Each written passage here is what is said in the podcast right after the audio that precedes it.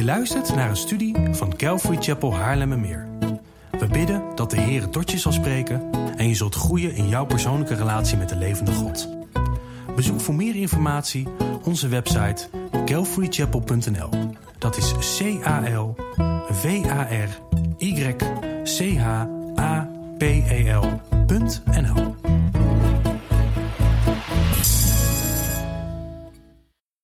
Wij gaan vandaag verder dus met de preekserie Route 66, waarin wij elk Bijbelboek in, uh, in vogelvlucht gaan bekijken. En mijn streven is om elke zondag één Bijbelboek te, te behandelen. Bij sommige Bijbelboeken lukt dat gewoon niet. Um, bij Filemon, Judas en dat soort dingen, die, de kleine profeten, die kunnen we misschien wel combineren dat we, dat we zelfs meerdere boeken op één zondag gaan behandelen. Maar met sommige uh, lukt dat niet en Leviticus is één zo'n boek. Um, maar goed, ondanks dat, uh, dat feit blijft de serie wel gewoon Route 66 heten, want er blijven nog steeds gewoon 66 boeken. Dus uh, ik heb niet tegen jullie gelogen, het is en blijft Route 66. En vandaag gaan wij uh, het Bijbelboek behandelen waarop de meeste aspirant Bijbellezers afhaken. Ik denk dat als ik jullie nu vraag van wie van jullie hebben ooit geprobeerd om Leviticus te lezen, nou, er zou een aantal handen omhoog gaan. En als ik dan vraag, en wie van jullie hebben het helemaal afgelezen of doorgelezen, dan zullen er waarschijnlijk wat handen omlaag gaan. Um, dus ja, mensen die zich voorgenomen hebben om de Bijbel systematisch helemaal door te lezen, die lopen vaak vast bij Leviticus. En ja, ik, ik, ik kan dat best wel begrijpen. Het is een moeilijk boek te lezen en daar zijn een aantal goede redenen voor. Het lezen van Leviticus is enigszins te vergelijken met het lezen van een wetboek. Of als jullie, nog oud, of als jullie ja, oud genoeg zijn om je nog een telefoonboek uh, te kunnen herinneren, dan is het ook te vergelijken met het lezen van een telefoonboek. Um, ja, want kijk, Genesis en Exodus vertelt over ware gebeurtenissen. Maar in Leviticus is er nauwelijks sprake van een vertelling. Het is gewoon een en al, en God sprak tot Mozes, doe dit, doe dat, doe dat. En ook zegt Leviticus ons anno 2090 eigenlijk, 2019 sorry, eigenlijk niets. Het komt uit een heel andere cultuur, uit een andere tijd, uit een andere locatie. En bovendien lezen wij over uh, zaken zoals hoe men destijds met besmettelijke ziekten om moest gaan. Iemand die een bepaalde ziekte had, die moest um, zijn haar laten groeien, die moest dingen met zijn kleding doen en die moest gewoon rondgaan en roepen: um, onrein, onrein. Uh, heel bizar. Uh, Leviticus lijkt voor ons dus volstrekt onbelangrijk te zijn. Het geeft ons Um, of het heeft, dit heeft ook nog te maken met um, wanneer we ja, in, het leven, in het dagelijks leven staan, dan heeft Leviticus eigenlijk niets met ons dagelijks leven te maken. Want wat heeft Leviticus nou te maken met het feit dat wij morgen weer naar het werk toe moeten gaan? Of dat we morgen weer uh, naar school toe moeten gaan. Nou, het is mijn hoop en gebed dat dit saaiboek voor ons tot leven gaat komen en dat wij de onschatbare waarde ervan gaan inzien. Dus Leviticus. Nogmaals, we gaan, uh, we gaan het in twee, twee delen. Dus volgende week uh, wordt het wat korter. Ik heb vandaag een, een iets langer ge, uh, gedeelte. En um, dat heeft te maken met het feit dat wij aanstaande zondag dan ook het heilige avondmaal vieren. Daar heb ik altijd rekening mee. Om niet een, een preek van een uur hebben en dan dat we het nog heilige avondmaal doen. Dus um, met die reden dat we het ook op deze manier opsplitsen. Nou, Leviticus is het, sorry, het derde boek um, in de wet van Mozes, de Torah. En met slechts 27 hoofdstukken is Leviticus het kortste boek van alle vijf. En het centrale thema van Leviticus is hoe de nu verloste mensen of kinderen van God een relatie, een relatie met God kunnen behouden. Oftewel, hoe Gods kinderen fellowship of gemeenschap met Hem kunnen blijven hebben. In Exodus werd Israël uit de slavernij in Egypte verlost. Door het bloed van het onschuldig lam dat op de deurposten werd gesmeerd. En in Leviticus krijgt het verlost volk duidelijke en onbuigzame regels en voorschriften om één, hoe zij met de enige echte heilige God om horen te gaan. Hoe zij die relatie met die God kunnen behouden. En twee, om zelf heilig te leven. En dan drie, hoe God te aanbidden. En ja, Leviticus is een van de, de meest verwaarloosde boeken van de Bijbel. Ondanks dat het Nieuw Testament meer dan 40 keer naar Leviticus verwijst. En het is daarom ook onmisbaar om het Nieuw Testament te kunnen begrijpen. Het boek Hebreeën bijvoorbeeld is zowat geheel gebaseerd op Leviticus. We zouden Leviticus, of we zouden Hebreeën totaal niet kunnen snappen zonder Leviticus. En sterker nog, het evangelie van Jezus Christus en het gehele Nieuw Testament zou niet eens mogelijk zijn geweest zonder Leviticus. Het is niet, niet onbelangrijk dus. Nou, in Leviticus spreekt God meer of vaker rechtstreeks tot de mens dan een enig ander Bijbelboek. Zo'n 50 keer staat er, de Heere sprak tot Mozes. Hij sprak rechtstreeks direct tot de mens. En toen Jezus gevraagd werd over het voornaamste gebod, citeerde hij niet alleen Deuteronomium 6:4. En wat is het voornaamste gebod? Dat je je God met heel je hart, ziel, kracht en verstand lief hebt. Maar hij sprak ook, hij citeerde ook Leviticus 19:18, waarin dit staat: U mag geen wraak nemen of een wrok koesteren tegen uw volksgenoten, maar u moet uw naaste lief hebben als uzelf. Ik ben de Heer. Dus toen Jezus dit, dit gebod ehm, gaf, of toen hij het aanhaalde, en toen hij het vervolgens in, in, uh, in Johannes hoofdstuk 13 uh, eh, opnieuw gaf, gaf hij geen nieuw gebod. Het is een oud gebod. Hij greep gewoon terug naar Leviticus. In Johannes 13 staat trouwens dat wij elkaar lief moeten hebben zoals Jezus Christus ons lief heeft. En dat is totaal niet nieuw, dat komt vanuit Leviticus. Nou, de praktijken in Leviticus die zijn achterhaald. Maar de principes achter de praktijken die zijn tijdloos. Wij hebben bijvoorbeeld nu geen altaar hier, waarop wij dieren moeten offeren en verbranden.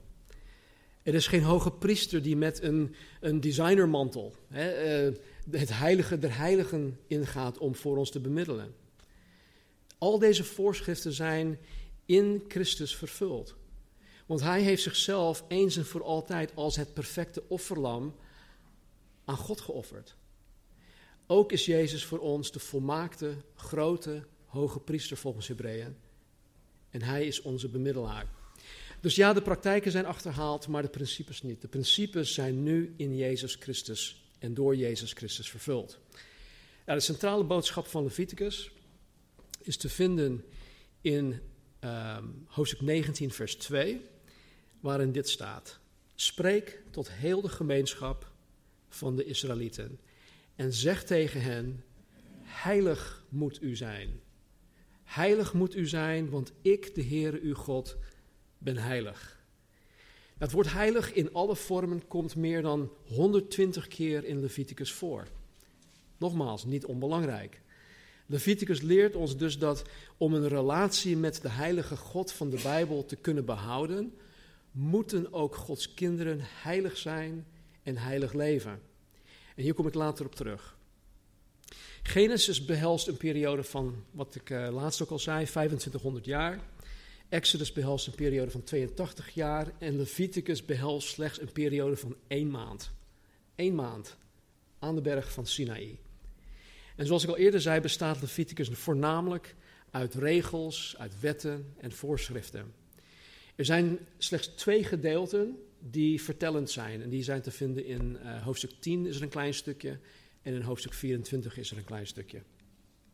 En Leviticus begint waar, um, waar Exodus is geëindigd. Aan het einde van Exodus, hoofdstuk 40, is de tabernakel klaar. Het is gebouwd Gods glorie, Gods heerlijkheid vervulde het heiligdom of het heilige der heiligen en het is nu klaar. En nu in Leviticus, Leviticus 1, spreekt God tot Mozes vanuit die heerlijkheid in de tabernakel. Tabernakel wordt trouwens ook de tent van ontmoeting genoemd. En er staat dan in Leviticus 1, vers 1: De Heere riep Mozes en sprak tot hem vanuit de tent van ontmoeting. vergeet niet, voorheen, dus voor dit moment, sprak God vanaf de top van de berg van Sinaï. Er was vuur, er was rook, er waren aardbevingen. En God sprak tot de mensen op grote afstand. De mensen konden niet eens dicht bij de berg komen, laat staan dat ze dicht bij God konden komen. Maar nu, in Leviticus, nu de tabernakel, het tabernakel klaar is, woont God onder de mensen. En nu spreekt God van heel dichtbij. Dus meteen al in vers 1, hoofdstuk 1, vers 1 van Leviticus, zien wij een beeld van Jezus Christus. In Johannes hoofdstuk 1, vers 14 staat dit. Ja, het woord Jezus is mens geworden. Hij is onder ons zijn tent komen opslaan, dus hij heeft onder ons gewoond. En wij hebben zijn heerlijkheid gezien, zegt Johannes. De heerlijkheid die hij als enige geboren zoon aan de Vader ontleende. Vervuld als hij was van genade en waarheid. Dus Jezus leefde onder de mensen. Hij is mens geworden, kwetsbaar mens van vlees en bloed. Hij die God was, die ging met mensen om. Hij trok met mensen op. Drieënhalf jaar lang was hij, was, uh, vervulde hij zijn bediening hier op aarde. Nou, Leviticus kunnen wij verdelen in, uh, in twee, grofweg twee delen. Eén is um, Leviticus 1 tot en met 17, wat um, de rechtvaardiging um, ja, behandelt, oftewel de weg naar God. En twee is heiliging, oftewel hoe wij of hoe de mens met God hoort te wandelen. En de eerste 17 hoofdstukken leren ons dat God alleen benaderd kan worden door middel van de offerdienst, door middel van de bemiddeling van de priesters, door middel van de reiniging van de natie en de bepalingen voor gemeenschap met God. En God is hier heel strikt in. God, dit, dit zijn onbuigzame regels. Je kan hier niet van afwijken. Als je uh, in, je in je eigen tijd uh, bijvoorbeeld um, Leviticus hoofdstuk 10 leest, dan zal je zien dat iemand afwijkt van Gods strenge regels. En de straf daarvoor is dat ze meteen ter plekke gedood worden door God. Want zij benaderen hem op een manier wat God niet had voorgeschreven. Nou, de laatste tien hoofdstukken leren ons dat omdat God heilig is, Israël ook heilig moet zijn. En in de meest simpele zin van het woord betekent heilig anders zijn. Heilig is anders zijn. God is geheel anders um, dan, dan wie of wat dan ook. Dan welk andere afgod er ook is. En daarom zegt God keer op keer tegen Mozes: Ik ben de Heere. Dat staat er zo vaak. Ik ben de Heere. Met andere woorden, Mozes, ik ben heilig. Ik ben anders. Ik ben de Heere. Punt uit. Het woord heilig betekent ook apart gezet of afgezonderd. En dit hield voor de Israëlieten in dat zij uh, voor God apart gezet werden of voor God afgezonderd werden voor Gods doeleinden. En omdat God heilig is, oftewel anders is dan alle andere zogenaamde afgoden, moest ook Israël afgezonderd zijn van alle andere volkeren, van hun godsdiensten en van al hun gebruiken. En het idee van heiliging betekent twee dingen. Eén is positionele heiliging, wat bedoeld wordt met het apart gezet worden, het afgezonderd worden voor God. En twee is, ja, dat, dat, dat heet in het Engels dan, of vanuit het Engels vertaald, progressieve heiliging, wat de voortgang of de progressie van heiliging, um, uh, van, het van, van het heilig worden weergeeft. Dus je hebt heilig, je bent apart gezet en heilig, je wordt steeds meer heilig in dat proces. Nou, voor ons die wedergeboren zijn, geldt precies hetzelfde. Uh, wij zijn positioneel geheiligd door God. Dat, is, dat gebeurt op het moment dat wij tot geloof komen. Zijn wij positioneel geheiligd voor God, door God. Hij, hij heeft ons apart gezet voor zijn doeleinden. Voor zijn werk in de gemeente en ook buiten de gemeente. En ook geldt voor ons dat wij progressief, oftewel voortdurend geheiligd worden, doordat wij steeds meer en meer anders worden. Wij horen als christenen steeds veranderd te worden, anders worden, anders dan de wereld en meer als Jezus. Dat is de progressieve heiliging. Kijk, in het Oude Testament zit in Exodus Gods redding en verlossing door het paaslam. dat hebben we een paar weken geleden gezien. En in Leviticus zit vervolgens de instructie over hoe het verlost volk van God hoort te aanbidden en hoe het verlost volk hoort te leven. Dus in Exodus werden ze gered. In Leviticus krijgen ze de instructie hoe zij horen te leven als een gered, als een verlost volk. In het Nieuw Testament zit, zit een, een, een, een parallel. In het Nieuw Testament zit in de evangeliën Gods redding en verlossing in Jezus Christus. Er zit ook instructie om hoe, wij horen te leven.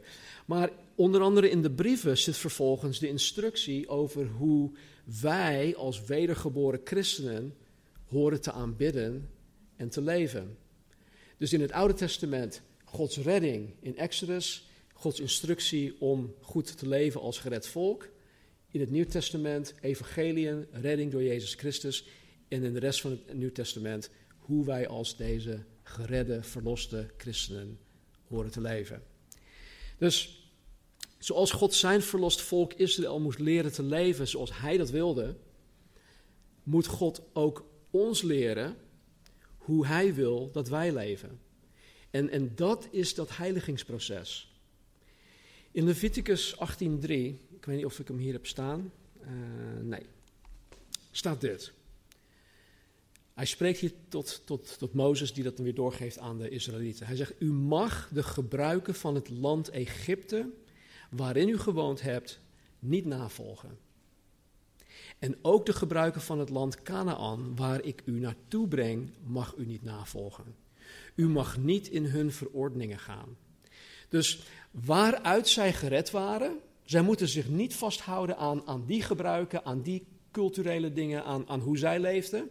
En waar ze nu naartoe gaan, naar Canaan, ook daar mogen ze zich niet aan schuldig maken dat zij gaan leven als de Canaanieten.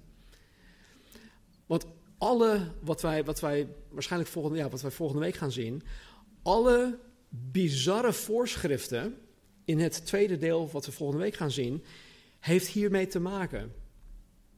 Alles dat God Israël verbiedt, zijn dingen die alle volkeren om Israël heen doen. Dat deden de Egyptenaren waar ze, van, waar ze vandaan zijn gekomen en dat doen de Canaanieten nog steeds. Dus God verbiedt hun eigenlijk alleen de dingen die alle andere volkeren om hen heen doen. En als God tot zijn doel met Israël wil komen, dan moet Israël zich van deze dingen heiligen. Zij moeten zich van deze dingen afzonderen. Want God kan Israël niet gebruiken om andere volkeren te redden als zij blijven doen wat andere volkeren blijven doen. Snap je? En dit is ook zo met ons. God wil niet dat wij blijven zoals wij zijn wanneer wij door de wedergeboorte tot, um, uh, door Jezus verlost worden van ons oud leven. Het, het, mag nooit zo zijn dat ons oud leven gewoon doorloopt in het nieuw leven. Er moet ergens een breuk zijn met het oude leven. Dat heet bekering. En als mijn nieuw leven zogenaamd in Christus precies hetzelfde eruit ziet als mijn leven voor Christus, dan moet je jezelf afvragen, ben ik daadwerkelijk wedergeboren of niet? Heb ik me daarvan bekeerd? want ten eerste moeten wij ons van ons oude leven bekeren. Vervolgens moeten wij bewust heilig, oftewel anders worden dan wat wij waren. Anders worden dan de wereld waaruit wij kwamen. En anders worden dan de wereld waarin wij nu moeten leven in onze huidige situatie. Waar wij werken, waar wij wonen, waar wij boodschappen doen, overal waar wij, komen. Er is eens gezegd dat het slechts één nacht duurde om Israël uit Egypte te halen. Maar het duurde 40 jaar om Egypte uit Israël te halen.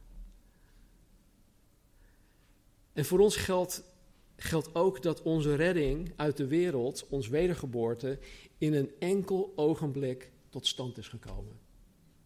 Op het moment dat wij ja tegen de Heer zeiden, Hem aangenomen hebben, op het moment dat de Heilige Geest in ons kwam wonen, dat we wedergeboren waren, dan, toen zijn wij ja, uh, in, een, in een enkel ogenblik gered.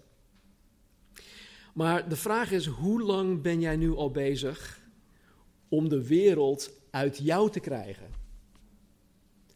Hoe lang ben je nu al bezig om veranderd te worden, om anders te worden dan de wereld waaruit God je gered heeft? Zit er een stijgende lijn in jouw heiliging? Word jij elke dag sorry, steeds meer als Christus? Bekeer je je elke dag van dingen die God niet behagen? Ben jij heilig aan het worden zoals God heilig is? Of ben je zoals Israël blijven steken in die woestijn? En zo ja, waarom? Waarom is dat?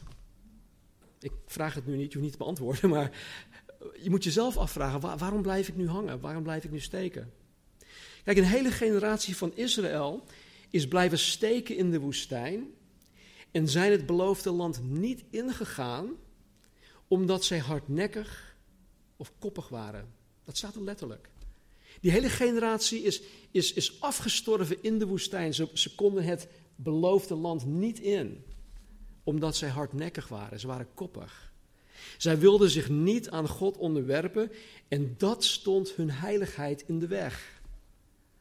Als zij vanaf het begin zoiets hadden van: Oké, Heer, ik geef me volledig over aan U, doe met mij wat U wil, koste wat kost, dan zouden zij gewoon ook deel uitgemaakt hebben van het gedeelte wat het land wel introk. En ik vrees dat dit bij sommigen van ons ook het geval is. Dat, dat omdat wij hardnekkig zijn, omdat wij koppig zijn, dat dat ons, on, ons heiliging in de weg staat. Want wij, wij willen niet. Wij willen het liever zelf. Wij willen liever blijven vasthouden aan de dingen die wij fijn vinden, in plaats van dat wij God hierin willen navolgen. Israël wist heel goed hoe zij als slaven moesten leven. Ze hadden iets van 400 jaar tijd om dat gewoon te leren. elke, elke ochtend stonden ze op, wisten precies hoe een dag eruit zou zien. Er werd voor hen gezorgd in de zin dat zij eh, onderkomen hadden, ze hadden eten en drinken en dat soort dingen. Het enige dat zij wisten is als gevangenen te leven die verder niets mochten of konden. Zij moesten gewoon doen wat de slavendrijvers hun, hun opdroeg. En, en meer wisten ze niet. Dat was hun leven. Maar nu, nu zij door God verlost waren, moesten zij leren hoe zij als vrije mensen mochten leven. En, en, en dit was heel wat anders. Zij wisten niet hoe zij met die vrijheid om moesten gaan. Weet je, dit is, dit is wel iets, iets anders, hè, maar ik denk dat daar wel een, een, een kern van waarheid in zit. Ehm, ik ken mensen die al van jongs af aan in het gevangenissysteem zitten. Uh, ze gaan de gevangenis in, ze worden vrijgelaten. Even later gaan ze weer de gevangenis in. Worden weer vrijgelaten, gaan ze weer de gevangenis in. En voor die mensen is het veel makkelijker om te leven in het gevangenissysteem dan in vrijheid. Ze weten niet hoe met die vrijheid om te gaan. Want dat is veel moeilijker. En dat was het geval ook met, met, met Israël. En dit is dan ook vaak de reden dat mensen voor religie kiezen in plaats van een relatie met God. In religie moet men veel. Je moet heel veel. En er zijn veel geboden en verboden. En als men zich daar niet aan houdt, dan wordt men uit de desbetreffende godsdienst verbannen. Je wordt, um, wat is het woord? Um, excommunicated. Je wordt uitgesloten. Maar als wedergeboren kind van God moeten wij zelf aan onze relatie met God werken. Wij moeten ervoor kiezen om de Bijbel te lezen. Wij moeten ervoor kiezen om onze relatie met God te onderhouden. Wij moeten ervoor kiezen om door Gods woord en door de Heilige Geest geheiligd te worden. Dat is een keus. Wij hebben die vrijheid, wij hebben die keus. God wil dat wij het juiste kiezen, maar vaak kiezen wij juist niet het juiste. Leviticus gaat dus voornamelijk om rechtvaardiging, de weg naar God, en om heiliging, het wandelen met God. De hoofdstuk 1 tot en met 17 gaat om rechtvaardiging. Rechtvaardiging door middel van aanbidding. En, en dit gedeelte kan ehm, opgesplitst worden in drie delen. Deel 1 is de offers, uh, 2 is het priesterschap en 3 is reiniging van het volk. En vandaag gaan we slechts het eerste deel met elkaar doornemen. Het tweede deel en het derde deel pakken wij volgende week op, wanneer we het Heilige Avondmaal vieren. Nou, ik weet niet of jullie in je Bijbels titels hebben staan, maar als je titels hebt staan, dan zie je dat de eerste vijf hoofdstukken over um, de verschillende offers gaan. Eh, je hebt, uh, de eerste is het brandoffer, dan heb je het graanoffer, dankoffer, zondoffer en schuldoffer. En in hoofdstuk 6 en 7 geeft God de priesters instructies, uh, specifieke instructies, uh, hoe zij met deze offers om horen te gaan. Nou goed, we gaan hier uh, vrij snel doorheen. Ehm, ten eerste wil ik dit zeggen, is dat alle vijf offers beelden van Jezus Christus zijn. Het brandoffer, en dat zullen we zo meteen ook gaan uh, zien, spreekt van het feit dat Jezus zichzelf geheel vrijwillig voor ons gaf. Jezus zei dat niemand zijn leven van hem afneemt. Dat zei hij in Johannes hoofdstuk 10. Hij geeft zijn leven uit eigen vrije wil. Dus het feit dat hij gekruisigd is, is niet omdat hij zo zielig en zo, zo, zo, zo zwak was. Nee, hij legde zijn eigen leven neer voor ons. Uit eigen vrije wil. Het graanoffer is een beeld van het perfecte leven van Jezus hier op aarde. Nooit gezondigd. Het dankoffer is een beeld van het feit dat door het werk van Jezus aan het kruis wij nu gemeenschap met God mogen hebben.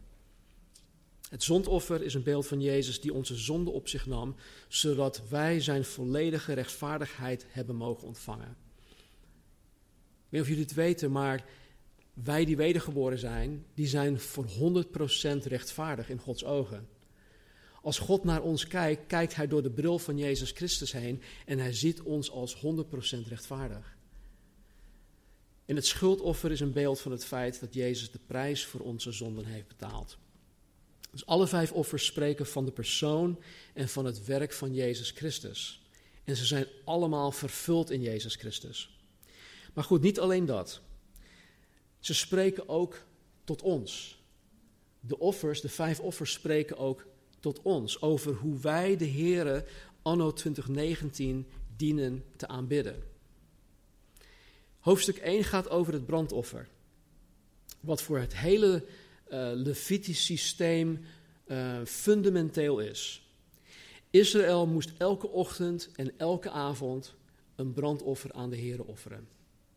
En het verschil tussen dit offer en alle andere offers was dat het gehele offer op het altaar verteerd moest worden. Er mocht niets van overblijven. Dus niets bleef er van over uh, om, om, aan de priesters uh, te geven, om, om door, door hun op te laten eten. Het werd geheel aan God geofferd. Alles werd aan God geofferd. En dit is een prachtig beeld van hoe wij als christenen onszelf geheel aan God horen te wijden. Dit offer was trouwens vrijwillig. En zo moeten wij ook, nogmaals, het is vrijwillig, die keus maken. Wij moeten die keus maken om ons geheel aan God te wijden. Om ons geheel aan God over te geven. God laat die keuze aan ons. In Romeinen 12 grijpt, grijpt Paulus terug naar dit, dit, dit idee. In Romeinen 12, vers 1 staat dit. Hij zegt: Ik roep u er dan toe op, broeders, door de ontfermingen van God, om uw lichamen aan God te wijden als een levend offer, heilig en voor God welbehagelijk. Dat is uw redelijke godsdienst. Het woord godsdienst heeft betrekking op aanbidding. En dit betekent dat, um, dat de christen die God aanbidt, God aanbidt door zichzelf ten eerste geheel aan God over te geven. Aanbidding is jezelf overgeven aan God. Ware aanbidding van God wordt niet uitgedrukt, of niet voornamelijk uitgedrukt, in de liederen die we zingen. Liederen kunnen ons daarin helpen om onszelf aan God over te geven. Maar het feit dat wij hier zondags liederen zingen is niet een bewijs dat wij God aanbidden. Want het kan net zo goed zijn dat wij wel die liederen zingen, maar dat wij zodra we eh, eh, in onze auto stappen, dat wij ja, ons niet geheel aan God overgeven. En dat komt tot uiting door hoe wij met andere weggebruikers omgaan, bijvoorbeeld. Weet je, dus het wordt niet uitgedrukt in de liederen die je zingt. Het, het wordt ook niet uitgedrukt in het geld dat je aan hem geeft. Ware aanbidding wordt ook niet uitgedrukt in de bediening die je uitoefent of in de taak die je in de gemeente, in de kerk hebt. Het is ten eerste jezelf geheel aan Hem overgeven. Jezelf geheel aan Hem offeren. God is veel meer in jou als persoon geïnteresseerd dan in wat je voor Hem kan doen. Het woord offer zegt het al. Het gaat je jezelf kosten. Als ik mezelf moet opofferen, dan kost het mezelf. Nou goed, hoofdstuk 2 gaat over het graanoffer. Wat ook geheel anders was dan alle andere offers, omdat het geen, het was geen offer. Het was geen offer in de zin dat er geen bloed vergoten werd. dit had dus niets te maken met zonde. En dit offer was een, een gift van de mens aan God vanuit hun, hun, hun bestaan, vanuit hun akkers. In Numeri, dat zullen we over een aantal weken zien. Um, in Numeri zien wij dat God op een gegeven moment ophield met het voorzien van het manna.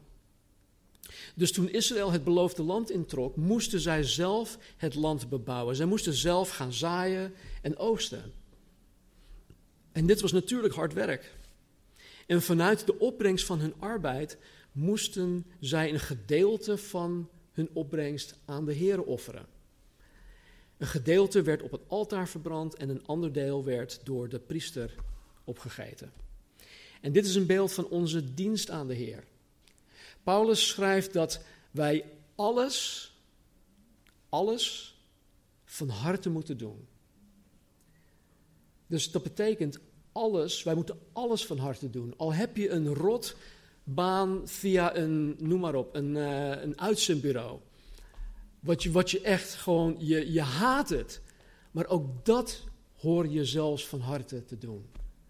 Wij moeten alles van harte doen, als voor de Here. Dus waar je je nu ook in bevindt, doe dat als voor de Here. Dus de ware aanbidder geeft ten eerste zichzelf geheel aan God over. En vervolgens geeft de ware aanbidder ook zijn dienst aan God. Dienst is niet alleen wat ik nu hier doe op zondagochtend. Mijn dienst is gewoon altijd. Ik dien de Heer altijd en overal. Ik moet mijn tijd, mijn energie, mijn inspanning, mijn kracht, mijn bekwaamheden, mijn gaven offeren in mijn dienst aan God. En het meeste van deze dienst, vindt, van, dienst, van, van deze dienst vindt wel plaats in deze context, maar niet alleen in deze context. Het vindt ook plaats buiten de gemeente. Hoofdstuk 3 gaat over het dankoffer. En ook dit offer was uniek. Het brandoffer werd geheel verteerd. Het graanoffer was geen offer van bloed, maar het ging om, om arbeid voor de Heer. En het dankoffer, ook het fellowship of het gemeenschapoffer genoemd, was bijzonder omdat het onder drie verschillende partijen werd verdeeld. De offeraar bracht het offerdier en een gedeelte ervan werd op het brandaltaar geplaatst voor God. En dit was voor God een aangename geur, staat er, een zoete geur voor God. En keer op keer staat er dat de brandoffers een aangename of zoete geur voor God was. En ja, God hield gewoon van die geur. En ik begrijp dat volkomen, want ook ik hou van die geur. Ik denk dat jullie ook van die geur houden. Als je mij echt blij wil maken, hè, zet wat houtskool in een barbecue, leg er een heerlijke ribeye steak op. Nou, dan kan mijn dag niet meer stuk. En die geur alleen al, dat wekt zoveel, ja, nou, anyway, dat is gewoon heerlijk. Dus God, in die zin kunnen wij net zoals God zijn om van die zoete, heerlijke geur te genieten. Nou, een ander gedeelte van dit offer werd aan de priester gegeven en hij mocht dit eten. Het derde gedeelte mocht de offeraar zelf wel op die dag dan zelf opeten. Dus de offeraar brengt vrijwillig een dier naar de tabernakel toe. En symbolisch eet God daar een gedeelte van, de priester eet daar een gedeelte van en de offeraar eet daar een deel van. En dit is symbolisch van de gemeenschap dat wij nu kunnen hebben met God en met elkaar. In 1 Johannes, uh, hoofdstuk 1, vers 3, zegt de apostel Johannes dit. Wat wij gezien en gehoord hebben, dus hij spreekt hier over Jezus. Hij was een ooggetuige van Jezus. Dat verkondigen wij u, opdat ook u gemeenschap met ons hebt. En deze gemeenschap van ons is er ook met de Vader en met zijn Zoon Jezus Christus. Dus hier zegt de apostel Johannes dat wij, dat wij christenen gemeenschap met elkaar hebben doordat wij gemeenschap met God en met Jezus hebben. Dus wat wij door het dankoffer te zien krijgen, is dat gemeenschap, oftewel relatie met God en met elkaar, door het offer van Jezus Christus nu mogelijk is in het lichaam van Christus, oftewel in de kerk. En ik, weet je, heb ik nog tijd of niet? Ja, ik heb tijd.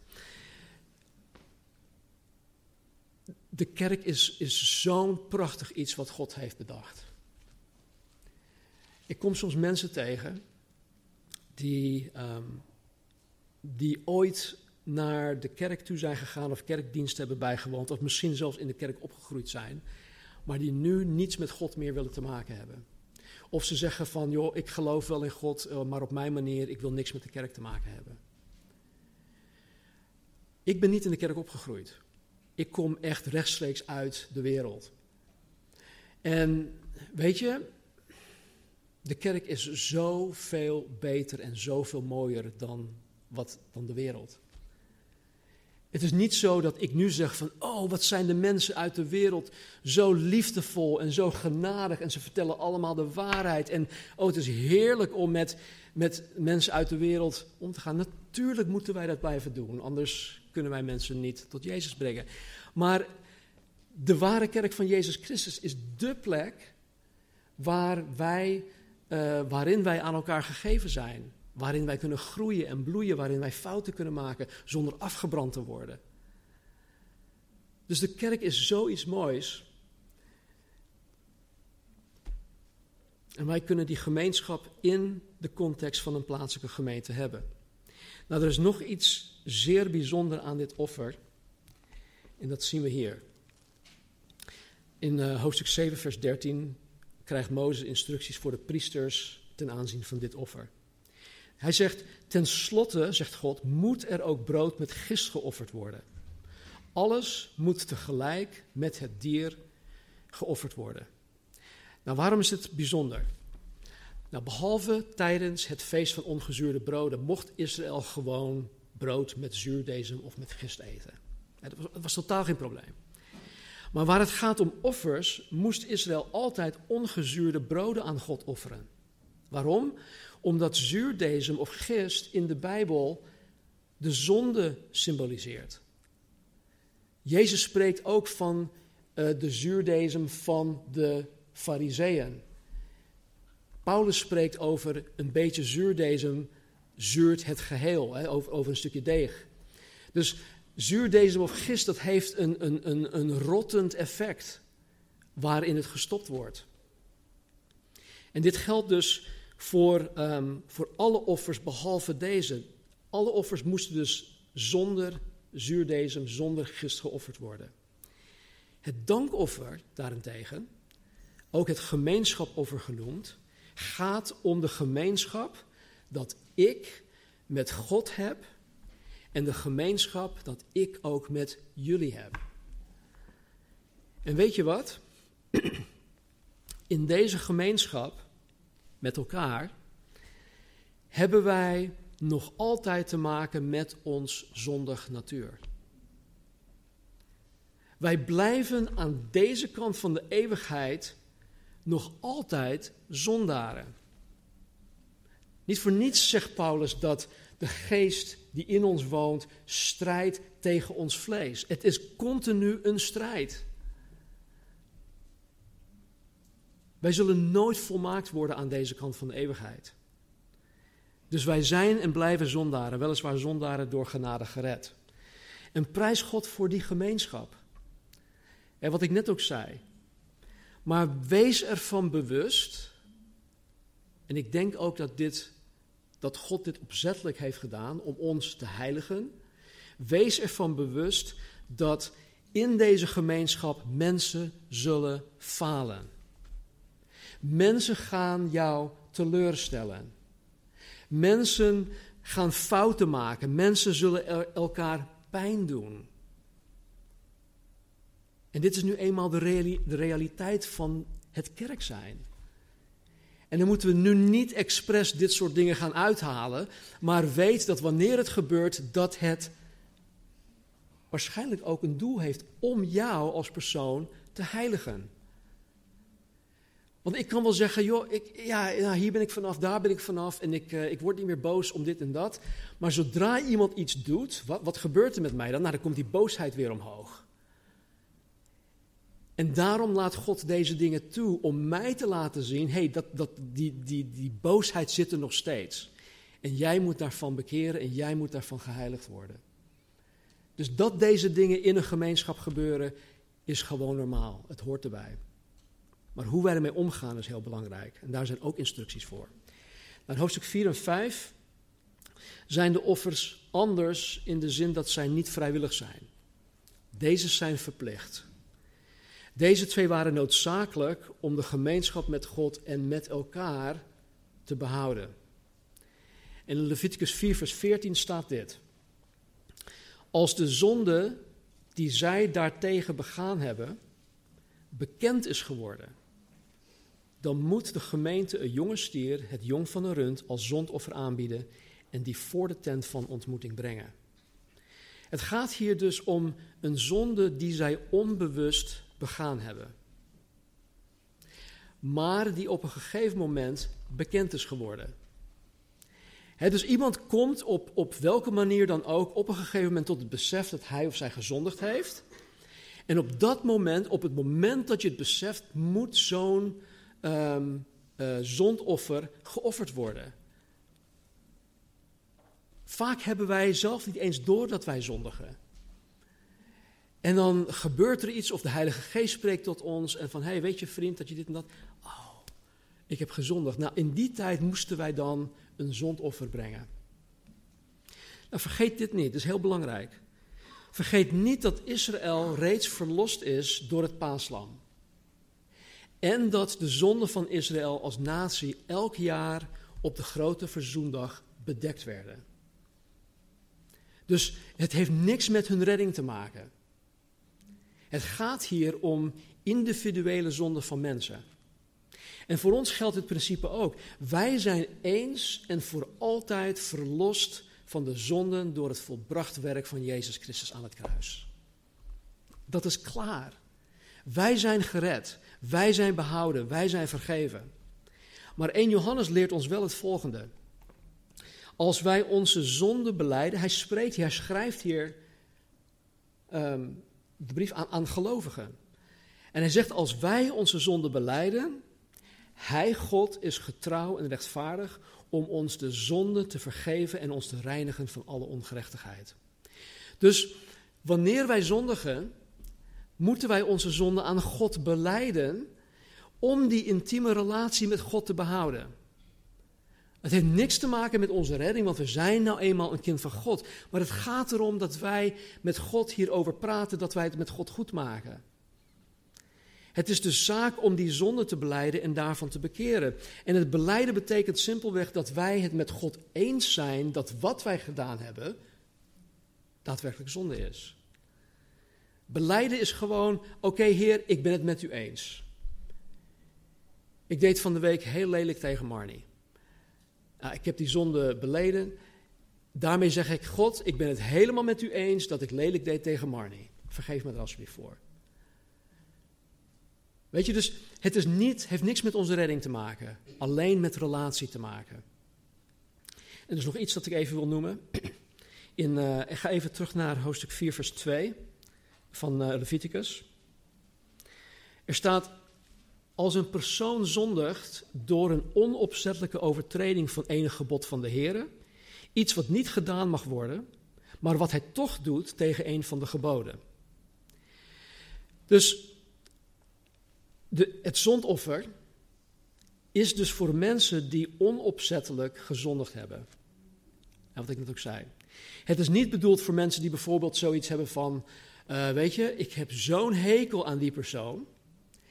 En om, om, om, om hem eindelijk een lesje te gaan leren, steek ik zijn geitlek. Want, want ik heb hier een prachtig, vlekkeloos lam, die ik vervolgens kan offeren. Om die zonde te bedekken. Nee, het is voor onopzettelijke zonde. En ook wij horen zoiets niet te denken of doen, want Paulus schrijft in Romeinen 6, wat zullen wij dan zeggen? Zullen wij in de zonde blijven? Met andere woorden, zullen wij gewoon doorgaan met onze zonde, opdat de genade van God toeneemt? Dan zegt Paulus volstrekt niet. Nee. Met andere woorden, zullen wij blijven doorgaan met zondigen, omdat er toch genade en omdat er toch vergeving mogelijk is? Het kruis is er toch? Ik kan gewoon doorgaan met wat ik zelf wil, maar Paulus zegt nee, volstrekt niet. Hoofdstuk 5. Hiermee sluiten we af. Hoofdstuk 5 gaat om het schuldoffer. En dat offer is, is bijna hetzelfde als het zondoffer. Maar het schuldoffer, uh, om, met het schuldoffer moest de offeraar een vijfde deel, oftewel 20% erbovenop vergoeden aan degene tegen wie hij gezondigd heeft.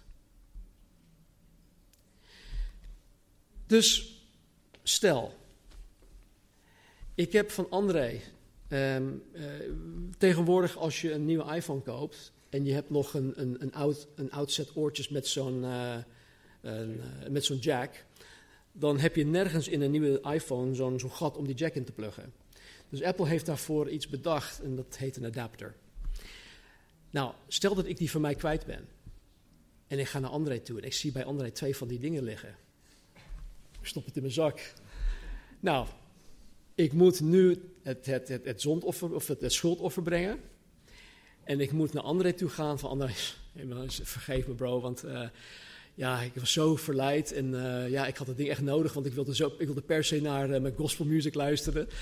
En ik wilde naar die preek luisteren op, op, op, op weg naar huis.